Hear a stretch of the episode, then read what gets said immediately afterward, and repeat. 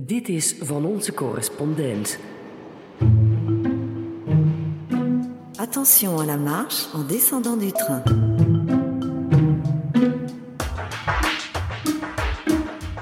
Welkom, mijn naam is Stefan de Vries, ik zit in Frankrijk en vanuit hier praat ik twee keer per maand met Nederlandse correspondenten in alle uithoeken van de planeet.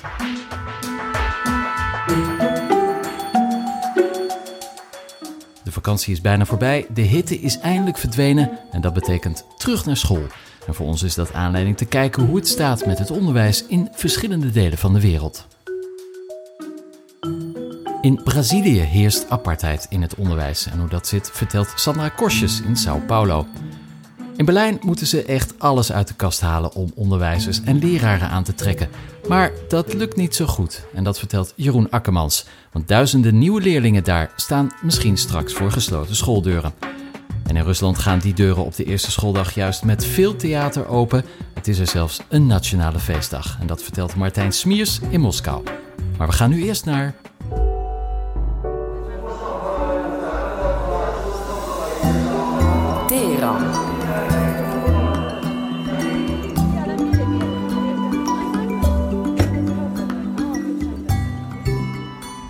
Begin deze maand voerde Donald Trump nieuwe sancties in tegen Iran. De pijnlijkste ooit, zei de Amerikaanse president. En in november volgen nog meer sancties van de Verenigde Staten tegen Iran. Maar welke invloed heeft dat allemaal op het dagelijks leven van de Iraniërs?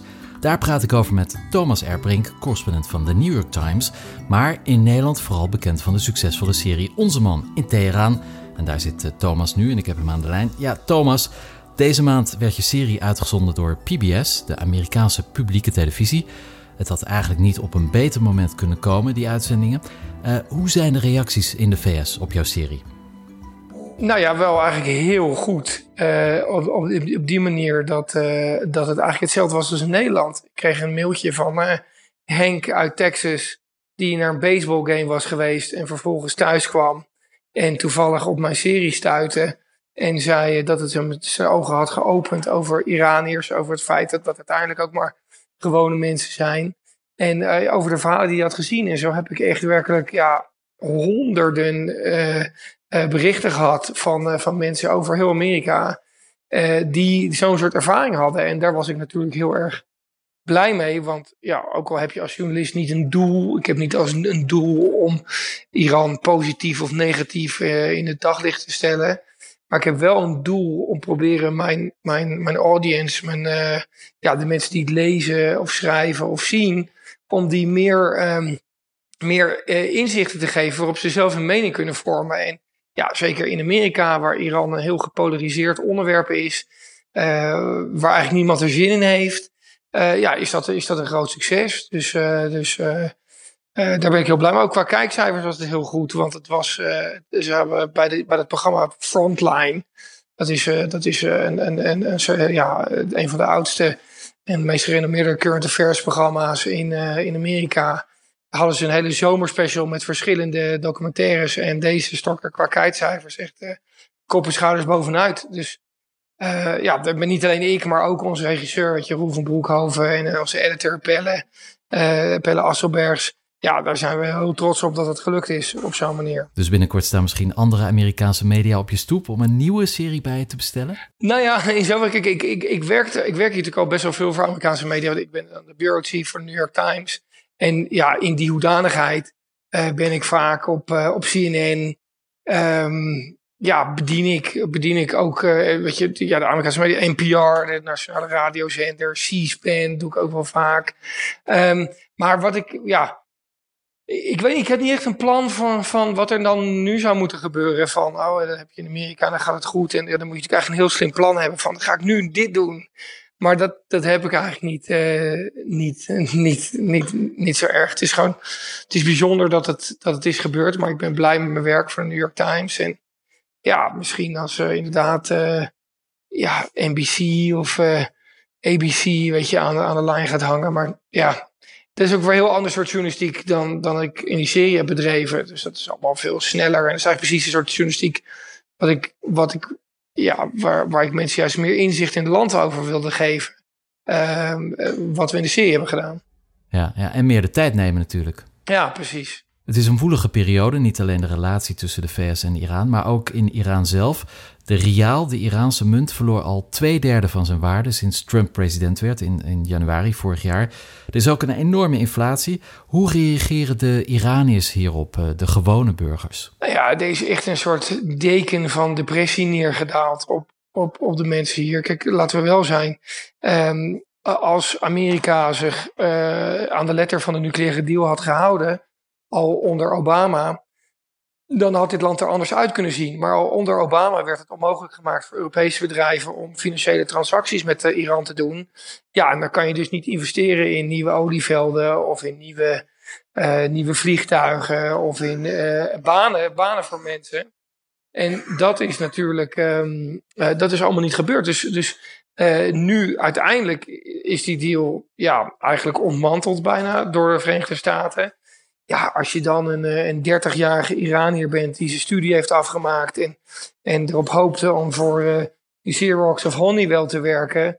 Uh, en dat misschien wel deed, dan, dan, ja, dan zit je nu met het feit dat, dat die bedrijven zich allemaal weer terugtrekken.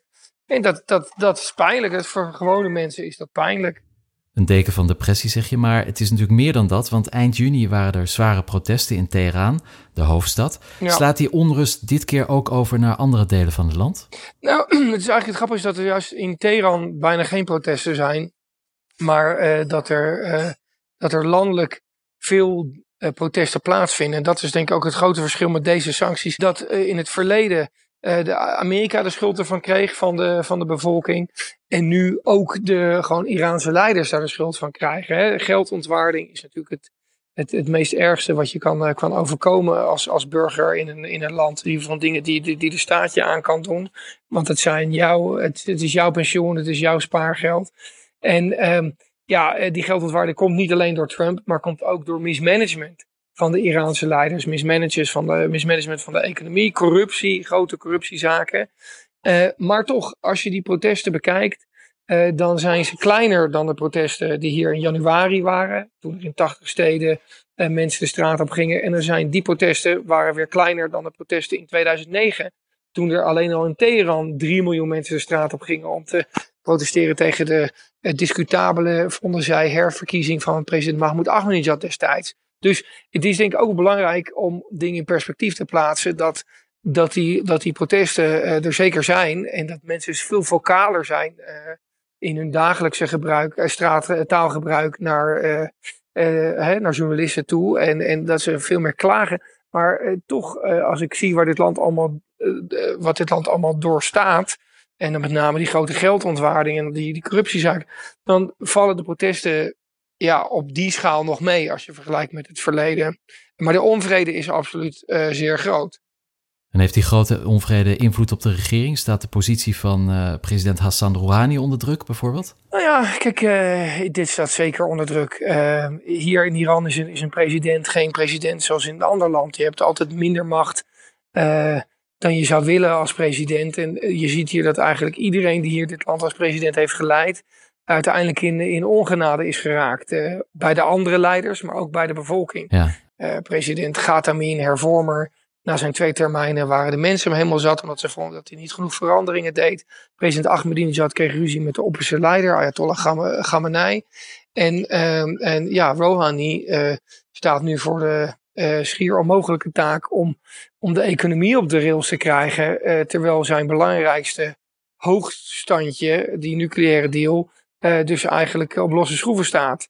Nou ja, uh, ik, het lijkt mij heel moeilijk voor hem om, uh, om daar nog een draai aan te kunnen geven. En daarmee is het eigenlijk heel moeilijk voor het Iraanse systeem. Want ehm, ja, die hebben wel een probleem van legitimiteit. Hè? Dit is een land waar revoluties plaatsgevonden. Mensen hebben die revolutie gemaakt.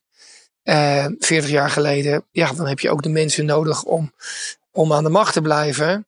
En de steun van de mensen. En ja, die steun is op dit moment echt op een minimum. En wat merk je zelf in het dagelijks leven van die enorme inflatie? En, en misschien ook wel van de depressieve vrienden om je heen. Is het moeilijk om aan bepaalde goederen te komen? Of uh, ja, hoe, hoe doe je dat eigenlijk zelf? Je werkt natuurlijk voor een Amerikaans bedrijf, de New York Times. Dreig jij straks zelf uh, in de problemen te komen of in geldnood? Nee, ik, ik heb natuurlijk door de jaren heen allemaal manieren gevonden om, uh, om delen van mijn salaris hier, hier, hier naartoe te krijgen. Maar Ja, ik denk het, over je vraag van hoe je het om je heen merkt. Ehm, kijk, mensen voelen zich gewoon alsof ze geen toekomst hebben. Dus als je naar een feestje gaat of naar een bijeenkomst in een huis, weet je, dat heb je vrij veel hier in Iran. Dan, dan praten mensen over vertrekken, over ehm, over uh, ja, het land verlaten, over hun, dat hun baan geen zin meer heeft, omdat ja, ze verdienen nu nog maar het equivalent van 100 euro, waar ze eerst 400 euro verdienden, bij wijze van spreken. Dus uh, ja, je kan je voorstellen dat dat overal kom je dat tegen. Als ik de lift instap of de bus instap of uh, een of andere galerie instap, dan weten mensen vaak dat ik journalist ben. En dan vragen ze me, oké, hoe zit dat? Waar gaat het naartoe? En ja, dan moet ik, dan moet ik ook het antwoord schuldig blijven natuurlijk. Ja, ja. ja, in het conflict met Trump zou je kunnen zeggen dat Iran een slachtoffer is. Maar het is natuurlijk ook opvallend hoe Europa zich opstelt. De, de Europese leiders die zijn not amused door het eenzijdig handelen van Trump en zoekt naar oplossingen om toch door te gaan met Iran. Heeft Iran zijn hoop gevestigd op ons, op Europa? Ja, ik denk dat Iran voornamelijk zijn hoop heeft gevestigd op China, maar dat Europa ook wel degelijk een heel belangrijke rol speelt in, in uh, wat de Iraanse leiders wilden. Kijk, ik wil het wel even heel duidelijk nog, nog, nog zeggen, want een heleboel mensen uh, luisteren naar dit verhaal en, en hebben dan in mijn ogen niet altijd de machtsverhoudingen scherp voor zich. Maar het komt natuurlijk op neer dat uh, Europa een, een, probleem heeft met Trump en dat de transatlantische verhoudingen op een dieptepunt zijn in de afgelopen 70 jaar. En eigenlijk komt dat nergens meer duidelijker naar voren dan in het verhaal over de nucleaire deal. Europa vindt dat ze die deal hebben gesloten, dat er twee jaar over is vergaderd, dat daarom die deal uh, moet blijven. Dat het een goede deal is. Hè. Het internationaal atoomagentschap zegt ook dat de Iraniërs. dat ze zich aan die deal hebben gehouden. Dus ze zijn compliant geweest aan die deal. Uh, in verschillende rapporten. Nou, tegelijkertijd uh, zegt Trump: nee, uh, ik wil die deal niet. En ik ga ieder Europees bedrijf dat toch zaken doet met Iran, ga ik onder sancties plaatsen. Um, nou, dat, is, dat heet extraterritoriaal effect van Amerikaanse regelgeving. Dat laat eigenlijk zien dat Europa ja, op dit vlak, vlak, zwak is. En um, dat is iets wat een heleboel Europese politici dwars zit. Um, en het is natuurlijk ook niet zo dat Europa graag de geestelijke hier in het zadel wil houden. Maar Europa kijkt natuurlijk heel erg naar Syrië en Irak. Uh, en ziet dan dat Iran een land vier keer zo groot is als Syrië, met vier keer zoveel inwoners. En dat als die gaan bewegen, uh, dat je dan een migrantencrisis krijgt uh, waar, je, hè, waar je u tegen zegt. Ik denk niet dat Europa dat zou overleven. Nou, tegelijkertijd wil Trump, eigenlijk, hij zegt het, hij zegt het bijna niet in zoveel woorden, maar zijn veiligheidsadviseur John Bolton zegt het wel vaak. Die wil regime change in dit land. Dus Europa probeert die deal in stand te houden, omdat dat uh, onze stabiliteit moet waarborgen. Uh, Amerika zegt, het kan ons niks schelen. Uh, wij willen die deal van tafel. We willen de Iraniërs onder druk zetten totdat ze in opstand komen tegen hun eigen leiders. Ja, met, met alle gevolgen die, dat, uh, die we in het verleden in ieder geval uh, hebben kunnen zien in het, in het Midden-Oosten. Um, dus, dus voor mij is dit een cruciaal moment voor Europa. En ja, eigenlijk kan je in alle eerlijkheid toch wel zien dat Europa vrij weinig kan doen. Ja, ja. Ja, de zwakte van Europa is dus eigenlijk de sterkte van Trump. Ja, kijk, ik denk dat. Ja, ik denk dat ja. Maar um, even praktisch gesproken, heb jij nog eten of uh, wc-papier? Dit is altijd een misverstand, want, want Iraniërs zijn uh, enorme drama queens. Uh, qua dat, kijk, de, de, sancties hebben, hebben zeker invloed en gaan op langere termijn ook invloed hebben. maar het is dus niet zo dat als je de winkels ingaat, dat er allerlei producten niet meer zijn. Ehm, er is brood, rijst, kip, vlees. Uh, de restaurants in Teheran uh, gaan, nog, gaan nog gewoon door. En ja, kijk, uh, ik zeg wel eens, als we aan sancties denken, denken we allemaal aan het Oil for Food Program. in de jaren negentig, wat Saddam Hussein op zijn knieën moest brengen. Ik ben destijds in Irak geweest en ik, ik, ik zag inderdaad daar was de bevolking enorm ver, ver, verarmd. Ik denk dat Iran toch een ander soort land is. Iran is een beetje als een soort oude familie waar generatie op generatie toch een soort van rijkdom is verzameld. Um, en uh, dat maakt dat dit land veel, veel krachtiger, veerkrachtiger is geweest, in ieder geval tijdens de vorige sanctieronde, dan een heleboel mensen ook in Europa en Amerika dachten. Nou, hoe dat nu gaat uitspelen, dat weet ik niet. Want de vraag is natuurlijk wel, hoeveel geld heeft het Iraanse leiderschap om deze sancties tegen te gaan? maar tegelijkertijd, ja, bij de vorige sancties deed de hele wereld mee. En nu zijn het alleen unilaterale Amerikaanse sancties. Dus dat biedt perspectieven voor China, voor Rusland en ook voor, Amer voor Europa op een bepaalde manier. Dus op zich zie jij de toekomst voor Iran redelijk optimistisch in. Nou, of, in ieder geval niet echt pessimistisch. Nou, kijk, ik, ik, ik denk dat het taak is van de journalist op de grond om uh, geprobeerd zo genuanceerd mogelijk beeld te geven. En ik denk dat er genoeg mensen zullen zijn die, uh, die zeggen van oké, dit gaat allemaal. Uh, hè, er, zijn, er, er, is niks meer in de schappen en, en mensen gaan hongerig de straat op. Dat is alleen niet wat ik zie. En ik ga hier gewoon naar de supermarkt en ik, ik stap hier gewoon in de bus en, en ik praat hier gewoon met mensen. Dat ze onder druk staan is zeker zo. En dat er uit die druk iets gaat komen, dat is ook zeker zo. Maar hoe dat eruit gaat zien, uh, dat vind ik heel moeilijk om antwoord op te geven. Ik denk dat het altijd anders zal zijn dan wat wij eigenlijk denken of hopen. Uh, tenminste, sommige mensen in het Westen. Je kan namelijk ook nog een harder leiderschap krijgen, bijvoorbeeld. Of je kan een staatsgreep krijgen, bijvoorbeeld. Um, of je kan uh, toch ervoor zorgen dat, uh, ja, dat, uh, dat, dat, dat, de hakken nog dieper het zand ingaan. Dat kan allemaal ook. Tja, dat kan allemaal. Interessante tijden, daar leven we in. In ieder geval, dan praat je ons weer bij wat er gebeurt in de komende maanden in Iran. Thomas, dankjewel.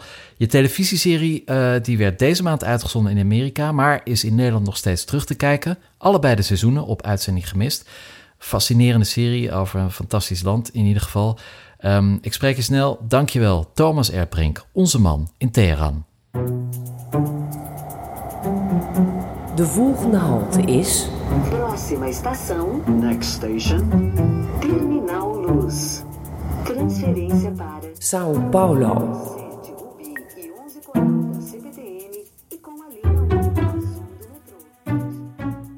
In Brazilië worden carrières en kansen al bepaald op de kleuterschool. De verschillen tussen de publieke en de privéscholen zijn enorm. Want wie als kleuter slecht begint, lukt het bijna nooit meer om hoger op te komen. We praten erover met Sandra Kosjes, RTL-correspondent in Sao Paulo. Bon dia Sandra. Tja, hoe, hoe werkt dat onderwijs bij jou in Brazilië? Ja, hier is het eigenlijk zo dat of je gaat naar een uh, openbare school, die is dan gratis. Uh, of je gaat naar een uh, particuliere school en die is over het algemeen best wel duur. Um, ongeveer drie kwart van de leerlingen, leerlingen die gaan gewoon wel naar openbare scholen. Um, maar steeds meer ouders, ja, die vinden dat niveau gewoon niet hoog genoeg. En die besluiten dus om hun kind dan naar een particuliere school te sturen. Met alle kosten die er dan bij horen. Maar vervolgens uh, is dus uh, wel het idee dat ze beter worden opgeleid. En uh, op het moment dat ze dan naar de universiteit willen.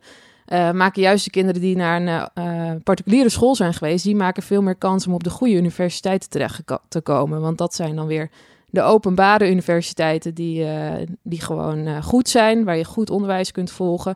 Maar je moet een toelatingsexamen doen om daar op te komen.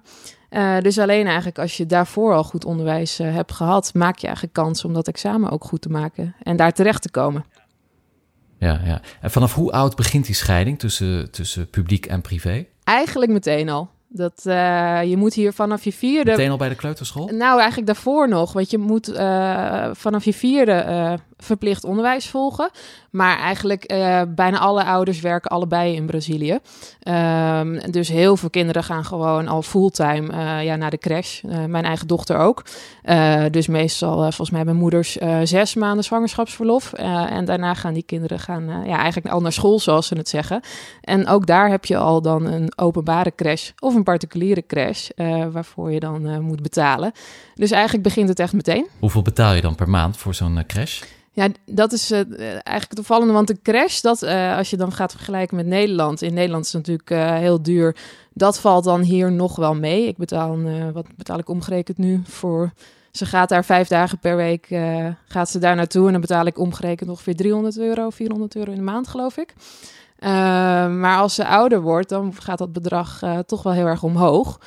Um, hier in Sao Paulo weet ik in mijn eigen buurt voor een school straks moet ik echt wel rekenen op 500, 600 euro in de maand per kind. Dat is voor jou denk ik nog wel te betalen, maar ik neem aan dat de salarissen in Brazilië veel lager liggen dan in Nederland. Ja, ja, het minimumsalaris is 200 euro. Dus kun je nagaan, dat is gewoon voor de meeste mensen gewoon natuurlijk echt helemaal niet te doen. En bovendien zijn er dan ook nog scholen hier, want dat, ja, 500, 600 euro, dat is dus, wordt nog gezien als soort van het minimum. Maar het loopt dus op tot 2000 euro per maand per kind voor, uh, voor sommige scholen. Dus dat is echt gewoon natuurlijk voor de meeste mensen echt, ja, totaal niet te betalen. nee, een zeer elitair systeem eigenlijk. Ja. Is, is dat onderwijs dan wel goed? Krijg je waar voor je geld? Nou, zelfs eigenlijk op de particuliere scholen hebben ze onderzocht, valt dat eigenlijk wel tegen. Je zou verwachten dat het dus echt eh, een enorm verschil is. Nou is het dus wel beter hoe het in elkaar zit. Eh, maar ja, nog steeds ook de resultaten van de particuliere scholen, die vallen best wel tegen. eh, van het hele onderwijssysteem in Brazilië. Als je gaat kijken naar, naar, de internationale PISA-test bijvoorbeeld, scoort Brazilië echt ontzettend laag. Een van de laagste landen. Ehm, en dat komt, zeggen de meeste onderzoekers eigenlijk vooral omdat de kwaliteit van de leraren ook veel te laag is. Die krijgen hier eh, heel weinig betaald, ondanks dus eh, soms die hoge bedragen die je per maand moet betalen. Ehm, maar een kwart van de leraren bijvoorbeeld, die heeft toch een bijbaantje om, eh, om genoeg geld te verdienen. Ehm, en heel vaak is hun ja, niveau van lesgeven is gewoon niet zo, eh, niet zo heel hoog. Het zijn vaak niet de, de mensen die het zelf het best op school scoorden, die vervolgens leraar worden. Nee, maar als die privéscholen dan zo slecht zijn, waarom sturen mensen hun kinderen niet gewoon naar publieke scholen? Of zijn die nog slechter? Nou, die zijn echt nog slechter. Het is ook al zo. eh, het is dus zelfs eh, eigenlijk zo dat eh, mensen die wel wat meer geld hebben, die, eh, die willen dus hun kind naar een particuliere school sturen. Eh, dat in eigenlijk de wat duurdere wijken zijn ook niet zo heel veel openbare scholen meer over. Dus zo erg is die segregatie eigenlijk al geworden. Maar het is, het is wel echt nog steeds wel een verschil. Het is gewoon dat het, het niveau is gewoon laag. Alleen ja, op openbare scholen is het nog lager, nog dramatischer. Ehm, en ja, als je dus wil studeren, als jij die, eh, die toelatingstest die, eh, die je dan moet maken, als je die goed wil maken, dan maak je toch nog steeds wel meer kans als jij gewoon onderwijs hebt gevolgd op een particuliere school. Ja, die achterstelling of, of tweedeling van de maatschappij begint eigenlijk al in de wieg. Ja, ja, ja maar ja, dat, dat is gewoon zo. ja, ja. absoluut. Ja. Hoe triest ook, ja. ja. Maar zijn er dan wel kansen voor mensen die heel laag beginnen om uiteindelijk toch te slagen? Kun je met een publieke school wel een baan vinden? En, en, en waarom veranderen ze dat systeem eigenlijk niet? Nou ja, dat is natuurlijk iets waar ze mee bezig zijn. Want ook de Braziliaanse politiek beseft wel eh, dat dit natuurlijk geen eh, fijne situatie is. Eh, dus wat er bijvoorbeeld gebeurt, is dat ze eh quota zijn gaan instellen. Ook voor de openbare universiteiten dan zo. Eerst lag het aantal leerlingen dat dan vanaf openbare scholen kwam. Eh, op eh, ongeveer 25 procent. Nou, inmiddels is dat al iets geklommen, maar het doel is dat dat er dan eh 50 procent dat dat het wordt. Maar dat halen ze dus niet zozeer omdat het onderwijs wordt verbeterd of dat die studenten nou die, eh, dat examen beter maken, maar simpelweg door een quotum in te stellen. Omdat eh, zoveel procent dus van openbare scholen afkomstig moet zijn. Dat is dan een manier ja, waarop ze dat dan willen veranderen. Alleen vraag ik me dan weer af, dan wordt volgens mij uiteindelijk ook het niveau op de universiteit steeds lager. Ehm, maar wat je vroeg nog eh, van, ja, is het mogelijk om eruit te komen? Nou, er zijn dus heel veel mensen die dat ook niet zozeer geloven. Als je kijkt bijvoorbeeld naar het, eh, de, de ambitie die eh, leerlingen hebben, zie je dat dat op publieke scholen ook veel lager is dan op particuliere scholen. Het aantal leerlingen dat denkt dat ze op universiteit terecht kunnen komen of daar naartoe wil, is gewoon beduidend lager. En ja, heel vaak klopt dat helaas dus ook. Is die ongelijkheid ook bepaald langs etnische lijnen of op afkomst van bepaalde bevolkingsgroepen? Ja, ja, helaas wel. Want hier in de samenleving eh, ongeveer iets meer dan de helft van de Brazilianen is dan ja, van Afro. Eh, Braziliaanse afkomst, om het zo maar even te zeggen. Dat is, het is hier niet zo eh, heel duidelijk zwart-wit, letterlijk. Eh, omdat heel, ja, Brazilië is vrij gemengd eigenlijk. Er zijn heel veel verschillende huidskleuren hier. Maar over het algemeen is het wel zo dat hoe donkerder mensen zijn, hoe armer ze zijn en hoe minder kansen ze hebben. Ook op, bijvoorbeeld op de arbeidsmarkt. Er is gewoon nog heel veel racisme hier. En dat zijn over het algemeen ook de mensen die naar de openbare scholen gaan. Nu ben je zelf moeder, en je stuurt je dochtertje ook naar zo'n privéschool. Ja, Draag je dan eigenlijk zelf niet bij aan het instand houden van dat eh, slechte systeem? absoluut. Ja, ja, dat, eh, Ja, ja. dat is ook een, eh, een dilemma waar ik zelf inderdaad nogal mee worstel. Ik zou haar eh, best wel naar een, eh, nou ja, op dit moment is ze 2,5, dus ze gaat naar, eh, naar de crash dan in feite. Ik zou haar wel naar een openbare crash willen sturen, maar daar zijn ook hele lange wachtlijsten voor. Die zijn ook, dus het is best wel moeilijk om dan op eentje in mijn buurt te komen. En straks, ja, uh, ja, dat, ik vind dat oprecht heel erg lastig, omdat ik het uh, systeem inderdaad uh, heel krom vind. Uh, tegelijkertijd wil ik natuurlijk dat mijn dochter goed onderwijs krijgt. Ehm, maar ja, voor mij persoonlijk, ja, maar het zou ook best wel daardoor een reden kunnen zijn om misschien eventueel weg te gaan uit Brazilië. Ook omdat ik niet weet of ik het wel kan betalen anders. Ja, bij jou is het nu winter en ook daar is de vakantie weer bijna voorbij. Ja. Je dochtertje gaat na de vakantie weer naar school. Heeft ze er zin in?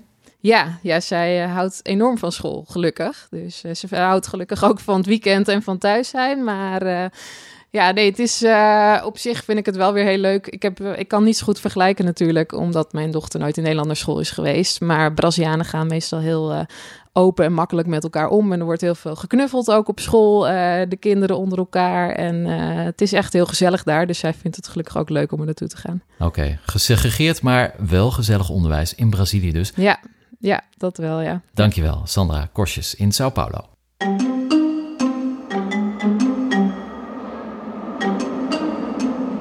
Overstappen voor de richting Berlijn. In sommige delen van Duitsland zijn de scholen alweer begonnen, maar in een paar deelstaten gaat het helemaal mis. De grootste problemen doen zich voor in de stad Berlijn. En daar zit RTL-correspondent Jeroen Akkermans. Die heb ik nu aan de lijn. Jeroen, is het Duitse onderwijs niet gründlich genoeg? Wat, wat gaat er mis bij jou? nou, inderdaad, als we kijken naar het aantal uh, leraren die ontbreken, slechts één op de zeven vacatures is ingevuld. Er zijn geen leraren, er zijn geen gebouwen, um, er moet gesaneerd worden. Um, er worden op dit moment uh, 60 nieuwe scholen gepland. De sanering van 750 scholen, alleen in Berlijn hebben we het over. Dat heeft te maken met dat jarenlang de gebouwen zijn verwaarloosd. En dat heeft er allemaal mee te maken dat we ineens wakker geworden zijn. Uh, omdat er 86.000 uh, kinderen in aantocht zijn. Uh, de geboortepolitiek is succesvol gebleken. maar de, de, mensen die zich daarmee bezig hebben gehouden, hebben niet doorgegeven aan de mensen die zich met het onderwijs bezighouden dat er een enorme uh, stroom uh, nieuwe leerlingen aankomt. En dus is er veel te weinig plek op de scholen. Dus 86.000 nieuwe leerlingen in de stad Berlijn alleen al. En, en die kunnen dus nergens terecht? Ja, die kunnen straks nergens terecht. Dus uh, daarom wordt er in hoog tempo nieuwe scholen uit de grond gestampt. 60 stuks. en daarnaast dus de sanering van 750 scholen. Um, ja, er zijn nadat de muur is gevallen, ook in Berlijn, is er jarenlang het aantal scholieren sterk teruggevallen. Daardoor heeft eigenlijk een beetje de mensen, dus de ambtenaren die met onderwijs zich bezig hielden, een beetje in slaap gesust. En in 2013 werden ze ineens wakker. Maar het is eigenlijk pas de laatste twee jaar dat ze echt doorhebben dat er echt de maatregelen snel genomen moeten worden. Omdat straks staan die kinderen voor de school en uh, is er geen plek. Wat gebeurt er dan als er geen plek voor ze is? Want er moeten natuurlijk niet alleen nieuwe schoolgebouwen komen, maar ook nieuwe leraren, uh, ja, ander personeel. Ja, en daar zit het natuurlijk het grootste probleem. Um, kijk, we moeten niet vergeten, Berlijn, de hoofdstad uh, van Duitsland, um, heeft nog steeds te kampen met een enorme schuld. Um, van uh, liefst uh, 59 miljard euro. Dat heeft alles met het verleden te maken. daarvoor is er een lange bezuinigingsoperatie doorgevoerd. Nou, dat heeft men pas een paar jaar geleden langzaam minder laten worden. Maar bijvoorbeeld de leraren hebben daar veel last van gehad. Je kon als leraar die in Brandenburg, hè, een van de omliggende regio's, aan de slag ging, veel meer geld verdienen als wanneer je in Berlijn aan de slag ging. Dus uh, Berlijn liep als het ware leeg met leraren. Dat viel aanvankelijk nog niet zo op. Maar nu ze weten van wat er een, voor een vloedgolf aan leerlingen eraan komt, ja, is men als de wielenwaan nu begonnen met het bouwen van scholen, maar ook met het omhoog brengen van de salarissen van leraren. Hoe gaat het bestuur van Berlijn daarmee om? Gaan ze meer salaris betalen bijvoorbeeld? De lonen worden inderdaad uh, worden verhoogd, uh, maar het wordt ook veel makkelijker gemaakt voor zij-instromers uh, om een nieuwe carrière in het onderwijs te beginnen. Um, van de 2700 nieuwe banen die nu zijn ingevuld, daarvan zijn er slechts 37% met een pedagogische onder, opleiding. En de rest, dat zijn zij-instromers. Die kunnen overal vandaan komen. Het is echt zo ja, dat je bij wijze van spreken kunt zeggen van uh, ze nemen iedereen aan eh, die uh, bereid is om voor de klas te staan. Je krijgt dan wel het probleem dat je bij een wiskundevak Of maar ook bij Duits, ehm, dat je mensen voor de klas hebt staan die daar geen enkele kaas van gegeten hebben. En dan moet je dus maar afwachten hoe dat gaat opgelost gaat worden in de klas. Ehm, dat wordt echt een groot probleem. Hoe kan dat toch? Duitsland is de grootste economie van Europa, steenrijk. Waarom is het onderwijs daar zo slecht georganiseerd? Ja, je zou bijna kunnen zeggen dat het dorps georganiseerd is. Ehm, eh, school, ehm, onderwijs op eh, de lagere en de middelbare school is deelstaatszaak. Dus alleen de stad Berlijn heeft, ehm, als het gaat om eh, de lagere en de middelbare school, daar de zeggenschap over. Nou, dat zijn, de problemen zijn heel lang voor zich uitgeschoven. Omdat Berlijn ook inderdaad te maken had met die enorme schuldenlast. En daar kwamen ze maar niet onderuit. en ja, dan is het makkelijkste methode om dan maar de kaasschaafmethode toe te passen dus dat je niks meer uitgaf aan onderwijs en dat je de salarissen zo laag mogelijk hield van uh, de leraren die voor een groot gedeelte een ambtenarenstatus hebben. Ja, en daar plukken ze nu dan de wrange vruchten van. En, en nu is er dan ineens uh, 5,5 miljard euro ter beschikking gesteld. Maar voordat het een klein beetje is rechtgetrokken, zijn we wel een paar jaar verder. Ja, de kinderen staan nu in ieder geval nog niet voor gesloten deuren. Maar als ik je goed begrijp, kan dat de komende jaren dus wel gaan gebeuren. Nou, ehm, eh, de scholen barsten uit hun voegen. Nee, die kinderen die worden dan naar binnen gebracht. Ehm, alleen in plaats van 26, eh, 27 eh, leerlingen heb je nu al klassen met 35, 36 leerlingen. Moet je ook nagaan van dat nu nog maar 60% van de leerlingen thuis Duits spreekt. dus er zijn eigenlijk, en dat was vroeger 75%. Ehm, dus dat aantal neemt steeds verder af. Duits sprekende kinderen Um, dus er zijn extra lessen voor nodig, extra leerkrachten nodig voor, voor taallessen bijvoorbeeld. Dus de, de, de druk op de leraren om, om die leerlingen wat bij te brengen, dat neemt steeds verder toe. Terwijl uh, ja, de kwaliteit van de leraren eigenlijk afneemt, uh, domweg omdat ze er niet zijn. Uh, maar ja, zie maar eens mensen te vinden die bereid zijn om voor een klas van uh, 5, 36 leerlingen te staan. Waarvan 40% niet gewend is om Duits te spreken. Eh, zie dan maar eens orde te houden. Veel mensen zien er liever vanaf. Er is veel bezuinigd de afgelopen jaren dus in het Duitse onderwijs.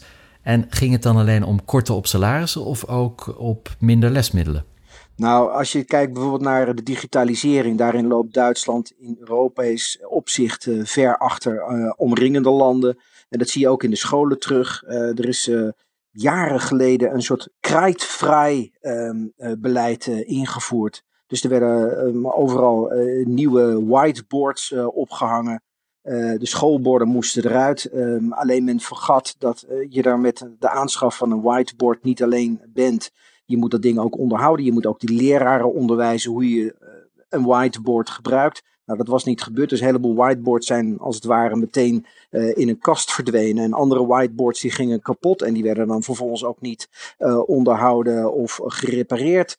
Dus ook als het gaat alleen al om bijvoorbeeld de digitalisering van klassen, lopen de Duitse scholen, maar met name in Berlijn, zo ver achter op de internationale ontwikkeling, dat je ook niet raar moet opkijken dat uh, ja, Berlijnse scholen onder de maat presteren als je kijkt naar cijfers in vergelijking met andere landen. Ja, het heeft wel iets weg van Nederland eigenlijk, die lerarentekorten, maar zo erg als in Duitsland is het nog niet. Dankjewel Jeroen Akkermans in Berlijn.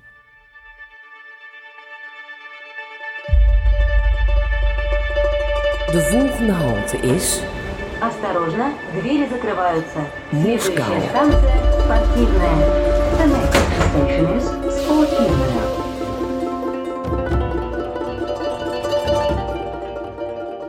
In Rusland is de eerste schooldag een groot feest met allerlei tradities en festiviteiten die doen denken aan de openingsceremonie van de Olympische Spelen. En dat gebeurt in het hele land altijd op dezelfde dag, op 1 september. Martijn Smiers, correspondent in Moskou voor RTL Nieuws, vertelt ons erover. Ja, Martijn, wat doen die Russen bij jou bij de eerste schooldag? Ja, het is een zeer plechtige dag eigenlijk. Uh, het heet de Dag van de Kennis. En het is echt een, een feestdag. En dan uh, vooral voor kinderen. Uh, en dan met name voor kinderen die voor de eerste keer naar school gaan. Die zijn dan zeven jaar oud. En voor hen breekt er dan echt een nieuwe fase in hun leven aan. Um, de opening is inderdaad altijd op 1 september. Op die dag dragen de kinderen een, schooluniform. Dat doen ze de rest van het jaar meestal niet, maar dan wel. Nou, dat schooluniform, ja, het lijkt een beetje alsof, ze, alsof, alsof het hotelpersoneel is, maar het is echt heel erg schattig. Ehm, alle klassen die stellen zich op langs een plechtige lijn, zoals dat heet, een U-vorm, liefst uh, buiten voor het schoolgebouw. En aan het hoofd van die U-vorm staan dan uh, de presentatoren. Dat zijn een jongen en een meisje uit de oudere klas. En zij uh, praten het openingsritueel aan elkaar op rijm. En aan het begin komen dan de kinderen van de eerste klas binnen, die zijn zeven jaar oud. Die worden dan op die manier verwelkomd in de school. En dan ja, gaat het verder met een volkslied, met uh, gedichten waarbij iedereen uh, een zinnetje opzegt. Uh, optredens, dans, gymnastiek, toespraken van plaatselijke bestuurders. Ja, het is een feestdag waar ze echt heel erg lang naartoe leven. Want dat, al die dingen vechten, vergen natuurlijk voorbereiding. Um, wat ook belangrijk is, is dat de kinderen een bos bloemen geven aan hun leraar. En die moeten bij voorkeur heel duur zijn. En um, ja, vrienden van mij, vrienden van mij uh, zeiden van ja, je mag best wel zeggen dat dat een soort omkoopsom is. Uh, het, het, probleem is natuurlijk wel dat een leraar aan het eind van de dag zo'n twintig bossen bloemen heeft. En wat moet je ermee en hoe krijg je ja. dat uh, naar huis? Dus je ziet tegenwoordig al dat ze ook wel um, één bos bloemen per klas doen. Of dat ze alternatieve cadeautjes geven. Maar het moet wel een cadeautje zijn. En zit er dan in die bosbloemen een envelopje verstopt met heel veel roebels? Geen commentaar. nou, niet, niet, dat ik weet, maar dat, dat gaat, je kon natuurlijk wel uh, vroeger aan die, uh, zeker in de jaren negentig, toen het economisch wat minder ging en de Sovjet-Unie was afgeschaft, kon je aan die bossen bloemen wel uh, zien wie er dure bloemen had gekocht en wie er uit zijn eigen tuintje wat had geplukt. Maar Rusland is inmiddels wel iets rijker, dus dat zie je iets minder. Um, wat ook belangrijk is tijdens het ritueel, dat is een beetje de afsluiting. Een jongen uit de oudste klas, die is ongeveer 17, die neemt een meisje uit de eerste klas op zijn schouder. Met de benen aan één kant. En zij luidt dan de eerste schoolbel. Ze gaan dan langs al die klassen die op die rij zijn opgesteld. En daarmee is dus het eerste, of is het uh, schooljaar plechtig geopend. En um, ze, ze, kiezen dan ook vaak de, de sterkste jongen en het kleinste meisje, zodat het allemaal goed gaat. En nou ja, daarna gaat de eerste klas de school in, daarna de rest. Dan is de ceremonie afgelopen. En in de school is er kennismaking, een inleiding op het schooljaar. Geen echte lessen, maar, um, uh, want het is immers een, een feestdag. Het klinkt allemaal heel zoet, maar je zegt er gaat flink wat voorbereiding aan vooraf. Betekent dat dan ook dat Russische scholieren hun vakantie opofferen om te repeteren voor 1 september? Uh, ja, er is wel uh, voorbereiding, maar ik denk ook dat de ouders uh, een rol in hebben. Want ja, je, um, het, het, het, het, klaarmaken van het, van het kostuum, het, regelen van een cadeautje, dat is toch iets meer van de ouders. Maar um, als je op, op YouTube dit soort feestdagen opzoekt, de ceremonies, dan zie je ook dat er best wel veel, best wel veel uh, optredens zijn. Met allemaal uh, gymnastiek, met turnen, met, met, met alle uh, clubjes die je eigenlijk met school kan doen. Ja, dat, daar, dat vergt nogal wat voorbereiding, want dat ziet er vaak best wel, best wel goed georganiseerd uit. Dus ja, dat, dat, dat kost de Russen wel een deel van hun vakantie, kun je wel zeggen. Waar komt die traditie eigenlijk vandaan? Nou, vroeger, en dan heel vroeger, begon in Rusland het schooljaar op verschillende momenten. Um, het, het, platteland had het bijvoorbeeld aan het eind van de herfst, want dan moesten, moesten dan eerst het werk op het land doen. En in de stad begonnen ze al veel eerder, half augustus. En pas uh, onder Stalin in 1935 werd het allemaal op één dag gezet, 1 september. En die datum is ook niet toevallig gekozen, want uh, tot en met de 17e eeuw vierden de Russen nieuwjaar op 1 september. En pas uh, onder Peter de Grote is dat verplaatst naar 1 januari. Um, dus ja, de, de 1 september, dat komt eigenlijk, uh, die, het hele ritueel uit de Sovjet-Unie. Het is uh, pas sinds 1984 een officiële feestdag. maar daarvoor werd het al wel gevierd. Is het alleen in Rusland waar ze dit vieren? Of zijn er ook andere landen waar 1 september een groot feest is? Zeker ook in de landen eromheen, Wit-Rusland, Oekraïne. Uh, want het, het komt uit de Sovjet-Unie en daar zaten uh, de buurlanden ook in. En je ziet het eigenlijk ook wel een beetje aan de optredens die worden gegeven. Ik zeg niet dat dat Noord-Koreaanse optredens zijn, maar ze zijn wel een beetje collectief. Weet je wel, dus een grote groep die maakt dan een, uh, een, een gymnastiekoefening of een, of een dans. Of ze lezen allemaal een regel van, van, van een gedicht om de beurt. Dus ja, het heeft wel iets collectiefs. Er is wel wat discussie over. Niet zozeer om het ritueel te veranderen, maar wel om te kijken of het uh, uh, moet worden aangepast per regio. Want in sommige regio's is het op 1 september al best koud. Uh, maar de feestdag zelf is heel geliefd. En um, ja, of het gaat veranderen betwijfel ik. Want ja, dit jaar valt 1 september op een zaterdag. maar het is dan niet zo dat ze het ritueel naar maandag verplaatsen. Nee, ze doen het gewoon op 1 september. Dus de eerste schooldag, 1 september, die is heilig. Betekent dat dan ook dat het hele land plat ligt, dat niemand werkt?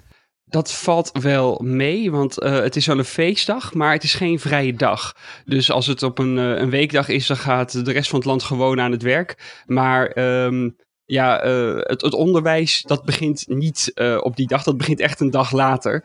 Uh, want er wordt niet geleerd. Voor de, voor de leerlingen is het echt een feestdag. Is het alleen op de lagere en middelbare school of doen studenten op de universiteiten ook mee? Ja, de, het is ook op de universiteit, maar daar heb je niet dat ritueel dat ik beschreef met, met, met die U-vorm en al die optredens en zo. Daar is het meer een soort kennismakingsdag. Um, in Rusland ga, heb je de school van je zevende tot je zeventiende, elf klassen. Um, halverwege ga je dan, gebeurt, ja, verandert het systeem dan wel, maar het is in principe één school. Daar is dat ritueel heel sterk. Op universiteiten heb je wel een feestelijke opening en een kennismaking met je nieuwe studiegenoten. Maar je hebt dan uh, niet dat ritueel met de, met de, met de schoolbel en uh, de, de, de, de turnuitvoering en de gedichten. Overgoten met veel wodka, hoop ik. Zeker. Goed. Zeg het met bloemen op de eerste schooldag in Rusland. Dankjewel, Martijn Smiers in Moskou. Dat was het voor nu. Als je graag naar Van Onze Correspondent luistert, deel deze podcast dan met vrienden of collega's, of beter nog, met allebei. Wij sluiten af met een nummer 1 hit ergens ter wereld. We spraken net over het onderwijs in Brazilië. En daar staat deze week de beroemde lokale zangeres Anita op 1 met het nummer Medicina. En al die internationale tracks staan ook op onze playlist in Spotify. Even zoeken op Van Onze Correspondent Muziek. Voor nu dank voor het luisteren en kijk voor andere boeiende podcasts op www.dagenacht.nl. Wij zijn er over twee weken weer met een nieuwe podcast. Tot dan, au revoir. Dit was van onze correspondent. U bent aangekomen op uw bestemming.